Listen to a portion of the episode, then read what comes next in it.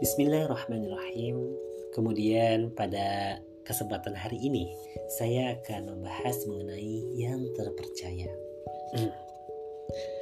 Saat para sahabat butuh mukjizat untuk menumbuhkan rasa percaya kepada Rasulullah Shallallahu Alaihi Wasallam, ia tidak membutuhkan mukjizat untuk menumbuhkan rasa percaya. Ia beriman secara penuh, ia beriman tanpa ragu. Ia adalah Abu Bakar As-Siddiq radhiyallahu an ketika para sahabat menyedekahkan seperempat atau setengah hartanya, maka ia menyedekahkan seutuhnya, menyed menyedekahkan seutuhnya. Cukuplah Allah baginya dan keluarganya. Ketika orang-orang berusaha mendustakan perjalanan Isra dan Mi'raj Rasulullah Sallallahu Alaihi Wasallam, ia dengan tegas menjawab, jika memang beliau yang mengucapkan, maka sungguh berita, berita tersebut benar sesuai yang beliau ucapkan, karena sesungguhnya beliau adalah orang yang sangat jujur. Orang-orang musyrik kembali bertanya, mengapa demikian? Abu Bakar radhiyallahu anhu menjawab, Aku membenarkan seandainya berita tersebut lebih dari yang aku kabarkan. Aku membenarkan berita langit yang turun kepada beliau. Bagaimana mungkin aku tidak membenarkan beliau tentang perjalanan ke Baitul Maqdis ini? Bahkan ketika perjalanan hijrah bersama Rasulullah Wasallam, Abu Bakar pernah digigit ular pada satu waktu. Namun ia terus berusaha menahan rasa sakitnya. Ia tak mau bergeser walaupun sedikit pun apalagi untuk berteriak kesakitan karena takut Rasulullah SAW terganggu istirahatnya. Wajar beliau dipilih sebagai sahabat terdekat Rasulullah SAW. Beliau juga termasuk salah satu manusia yang kakinya masih menapak di atas tanah, tapi namanya telah tercatat sebagai salah satu penduduk surga. Masya Allah. Lantas apabila kita mengatakan mencintai Nabi, apa yang telah kita korbankan untuk agama ini? Bahkan kehilangan seseorang saja yang memang belum halal bagi kita, kita kecewa begitu luar biasa. Lantas apakah kita pantas berada di sisi Rasulullah Sallallahu Alaihi Wasallam ketika surga, ketika surga, ketika di surga nanti?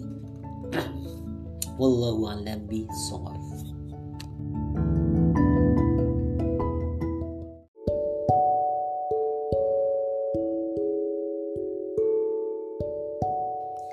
Bismillahirrahmanirrahim. Kemudian di sini saya akan menjelaskan mengenai merasa diasingkan. Kita mungkin pernah merasakan kesendirian dalam jalan hijrah ini, dijauhi teman, kehilangan harta, bahkan mungkin kehilangan seseorang yang disayang. Membuat jalan ini jadi seolah terasa begitu sunyi dan berat untuk ditapaki Rasulullah Shallallahu Alaihi Wasallam dan para sahabatnya dahulu juga pernah dipaksa terasing selama lebih kurang tiga tahun.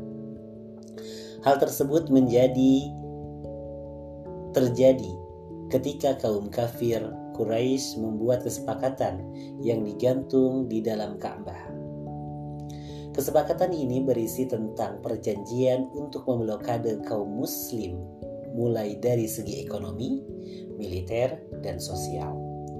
Selama itu, kaum muslim hidup di bawah tekanan kemiskinan dan bayang-bayang kematian. Mereka tinggal di bawah kaki bukit. Di sana, mereka terisolasi dari masyarakat luas. Di tempat tersebut pun, mereka kesulitan mendapatkan makanan dan sumber air. Kelaparan dan kehausan mendera mereka. Tangisan anak-anak kaum muslim menjadi nyanyian perih di balik tempat isolasi. Namun mereka tetap tabah dan teguh di jalan agama. Pada akhirnya atas kuasa Allah kebenaran kebenaran itu adalah bukti nyata karena setiap kesulitan pasti ada kemudahan. Kebenaran menemukan jalannya kabilah-kabilah Arab lainnya bukannya mendukung gerakan pengasingan oleh kaum kafir Quraisy, mereka malah salut dan iba kepada kaum muslim karena kesabaran dan keteguhan hati mereka.